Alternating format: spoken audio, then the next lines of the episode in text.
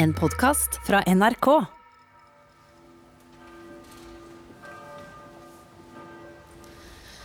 Kjære sørgende, vi, det er døtre, foreldre, søsken, kjærest, familie, venner, alle som er her i kyrkja, og alle som ser på.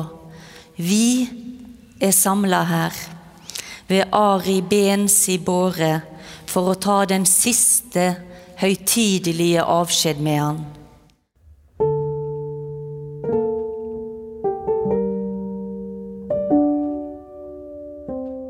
Det ble 2020. Et nytt år. Et nytt tiår. Et nytt liv for Ebba og Anja. Et liv uten Ari. Gjennom romjula hadde hundrevis av nordmenn tent lys på Slottsplassen. Både kongen og statsministeren hadde snakka om Ari i nyttårstalene sine. I Lommedalen hadde kirkedørene stått åpne, og hjemme i Moss hadde folk gått i fakkeltog. Så ble det 3. januar, og Ari skulle bisettes i Oslo domkirke. Dette er siste del av denne fortellingen, fortellingen om Ari. Jeg heter Joakim Førsund.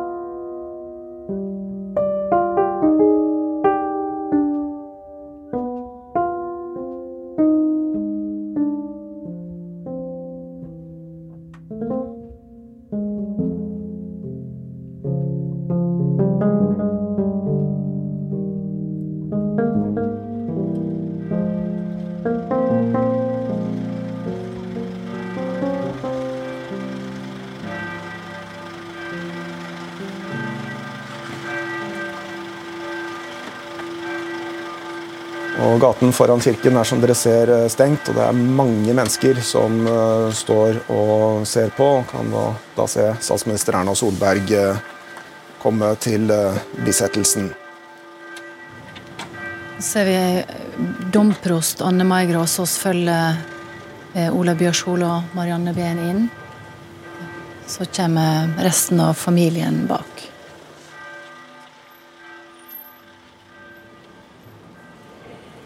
Akkurat idet vi går mellom kirkebenkene den dagen minnet veldig også om da han skulle gifte seg.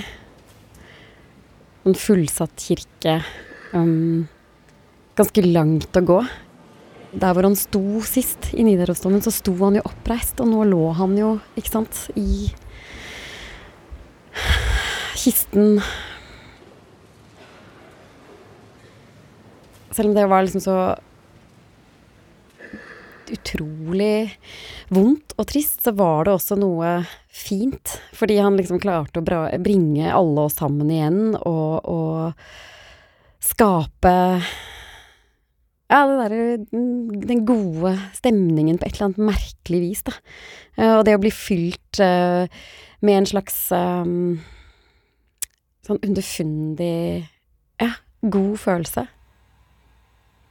Han var en stor skikkelse i møte med folk.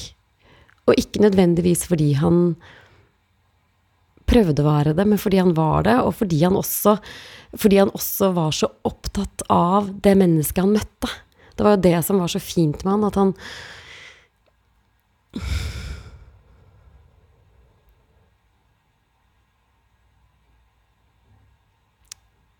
Han la alltid merke til det fine, uansett hvilke mennesker han traff. Om det var fryktelig slitent eller hadde det vanskelig, så kunne han alltid bare se det fine, da. Um, og det tror jeg gjør inntrykk, da. Jeg tror at fordi han var så så tilstedeværende og så trygg i det å også bruke disse ordene, så ble han sett på som en som var um, veldig um, Hva skal man si? At han, at han uh, fremmet seg selv, eller at han tok den plassen. Og så viste det seg jo i etterkant at det var jo nettopp det motsatte han gjorde. Det kom jo i, i klartekst etter hans død, ikke sant? Da skulle på en måte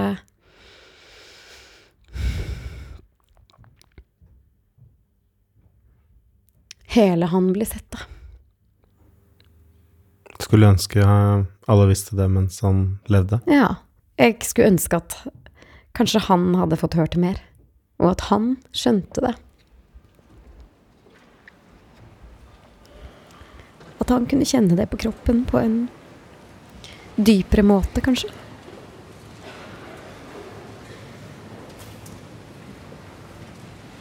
Og så ser vi Ebba Ryst Heilmann med krølla hår, som var kjæresten til Ari Behn de siste åra, og som venner framheva har betydd eh, kolossalt mye for han. Har vært der eh, til enhver tid. Eh, I den eh, vanskeligste og tyngste tida når det gikk nedover. Eh, og så kommer vi inn i kirkerommet der. Der står presten og hilser på oss. Og da kjente jeg at jeg ble litt roligere, for da jeg tror jeg fikk en god klem. Og det føltes veldig trygt. Var det allerede folk der inne da? Ja, det var, kjempe, det var fullt. Det er jo så fælt, det òg, ikke sant. Fordi alle andre har jo mannen sin med, eller kjæresten sin med, som kan liksom holde, men min var jo borte. Hvor er Ari? Hvor er kjæresten min som skal holde? Nei, han ligger der foran meg. Og så satte vi oss eh, ned, og så var det bare å Hvor satt dere da? Satt vi helt foran til venstre. Og så satt jeg helt helt inntil kanten, nærme kista, da. Ebba sitter på en grønn trebenk med gullfarga ornamenter, helt forrest på venstre side. Anja sitter like bak henne sammen med resten av familien sin, og bak dem igjen sitter statsministeren, ordføreren, stortingspresidenten, sjefen for Høyesterett, Nato-sjefen og forskjellige statsråder.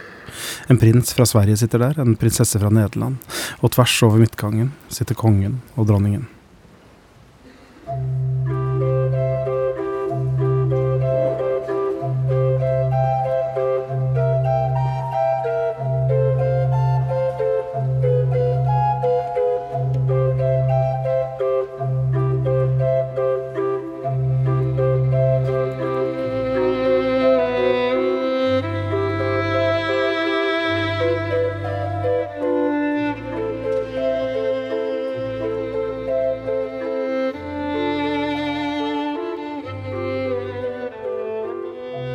Anja talte i Nidarosdomen også, da Ari og Märtha gifta seg, og den gangen hadde hun fått opplæring av en av slottets ansatte, om diksjon og kroppsholdning, om hvordan hun skulle bruke akustikken i det store rommet, sånn at stemmen bar helt til de bakerste kirkeradene. Og nå tenkte Anja på det hun hadde lært den gangen, for nå skulle hun holde den siste talen i storebrorens bisettelse. Og så tror jeg ikke jeg egentlig tenkte så mye, eller måtte bare konse på På min faktisk kjærlighet til Ari. Ari, broren vår, broren min. Det er ingen jeg kunne snakke med slik som deg. Du forstår, du lytter, du ser. Du er nysgjerrig og til stede. Du fikk liksom sitronvann om morgenen til å smake helt annerledes. Selv en grå dag ble fylt med lys og farger. Alltid. Du er broren min. Vi. Du er ikke veldig mye eldre enn meg. Det bare virker. Og virket noen ganger sånn. Du elsket livet, du elsket mennesket. Du var sterk, du var sårbar. Da vi opplevde vanskelige ting som barn, sto du sterkt, stødig som fjell, men sårbar. Sårbar fordi du aldri ville at noe vondt og vanskelig skulle berøre oss. Aldri. Jeg hører deg le varmt og kjærlig og legger den sterke armen rundt skulderen og smiler. Vær sterk, du klarer det. Dere kan. Vi skal fortsette, broren min. Vi skal fylle huset med din kjærlighet, med din varme. Jeg lover.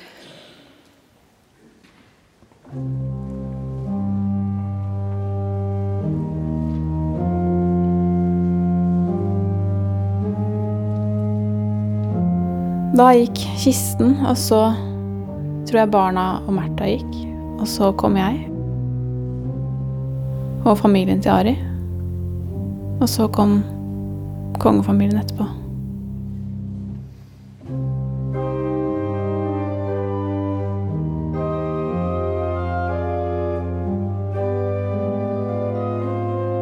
Da tenkte jeg at det, det blir jo fælt når man kommer ut der, fordi da, da skal vi stoppe opp, og Og alle skal på en måte få komme ut, og så skal kista dra.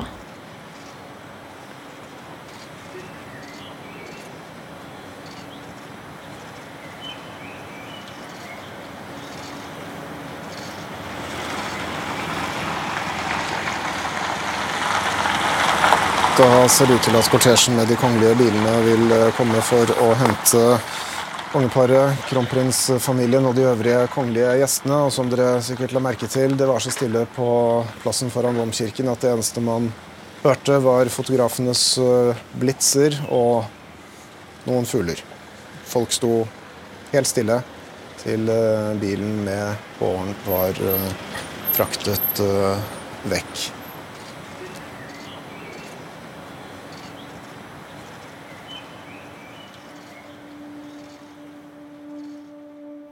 Den kongelige delen av Varis familie blir henta av svarte biler, de skal samles til en minnestund på Slottet. Ebba, Anja og familien hennes skal minnes Ari på teaterkafeen sammen med alle vennene hans. Ebba forlater domkirken til fots. Hun går oppover Karl Johans gate og krysser Studenterlunden mot Hotell Continental, akkurat som hun gjorde den dagen i august for tre og et halvt år siden. Teaterkafeen og Hotell Continental var jo Ari og meg, eller det var jo Ari. Han elsket jo å være der. Og jeg syns koste meg også med å være der sammen med han. For det var eh, Det var liksom litt magisk. Så det var jo så rart å gå inn der uten at han liksom tok jakka mi. Altså Eller bare førte meg inn med en sånn kjærlig hånd. Og vi satte oss ned med hele familien, tok langbordet foran scenen der. Som var reservert, da. Og så var det bare å og ja, tok eh, noen glass hvitvin. Og så holdt du en tale? Og så holdt jeg en tale, ja. Jeg er uendelig stolt over å jeg være jenta di, og at du aldri skjøv meg fra deg, selv i de tyngste stundene. Jeg er uendelig glad for alle de vakre dagene jeg fikk sammen med deg, og jeg er uendelig takknemlig for alt du har lært meg.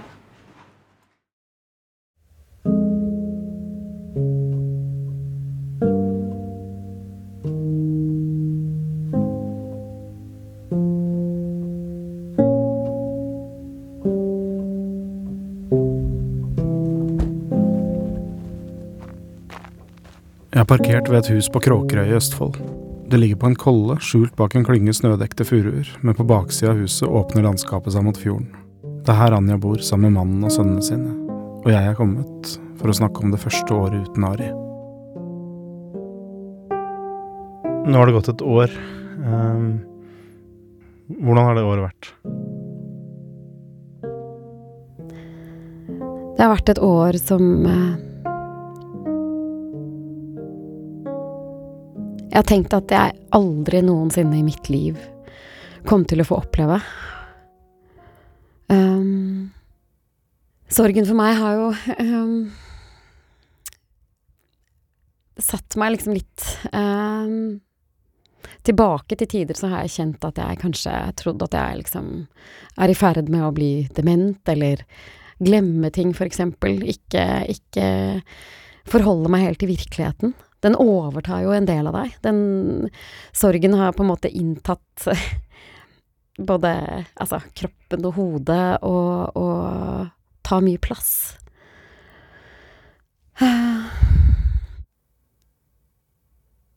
Det å tenke på det som han hadde som en sånn livskraft, alltid se det fine i mennesket, alltid bruke litt ekstra tid med de han møtte. Det er noe jeg vil ta med meg videre.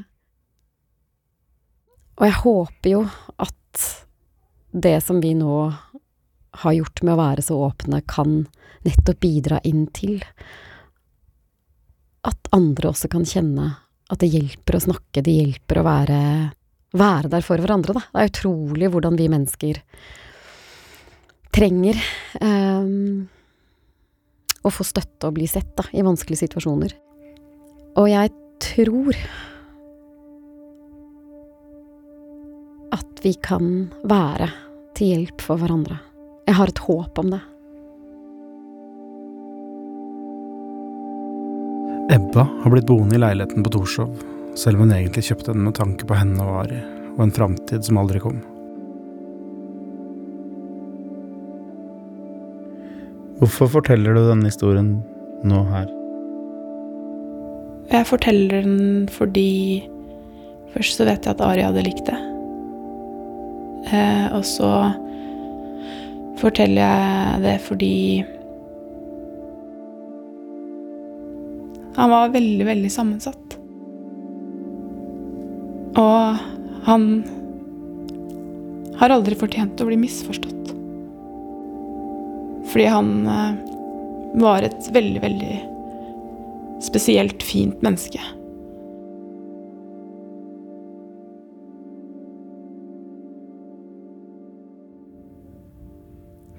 Det er veldig stille uten han. Det er jo en tom følelse som eh, Eller fylte rommet ut i krokene. Ah, shit. Jeg ville bare savna det så intenst alltid resten av livet mitt. Det var vondt at man ikke skal se det igjen, liksom. Nå er det bare de bildene og det som jeg skal bære med meg videre, da. Og det er jo Det er jo både veldig nært å liksom beskrive han og hvordan vi hadde det, og så er det noe som jeg ikke skal på en måte ha mer, da. Eller jeg ikke skal få møte mer, eller Det føles jo utrolig, utrolig vondt, altså. Men det er liksom så kort siden nå. Ja. Men det er jo på en måte dette dette jeg liksom må leve med resten av livet, da. Og som jeg vil. Jeg vil jo huske han, jeg vil jo snakke om han. Jeg vil jo på en måte fortelle om dette. Det er jo så fint, og det er jo så Han var jo liksom, ja, det fineste mennesket jeg vet om.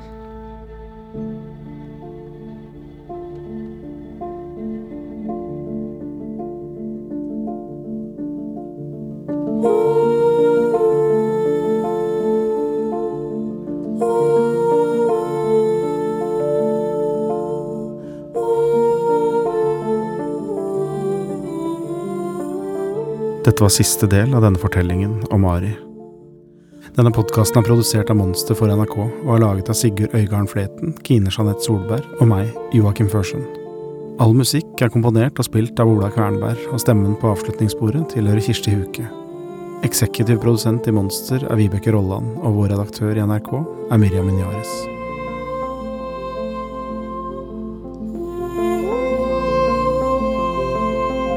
Hvis du har behov for noen å prate med om mental helse, ring 116 123.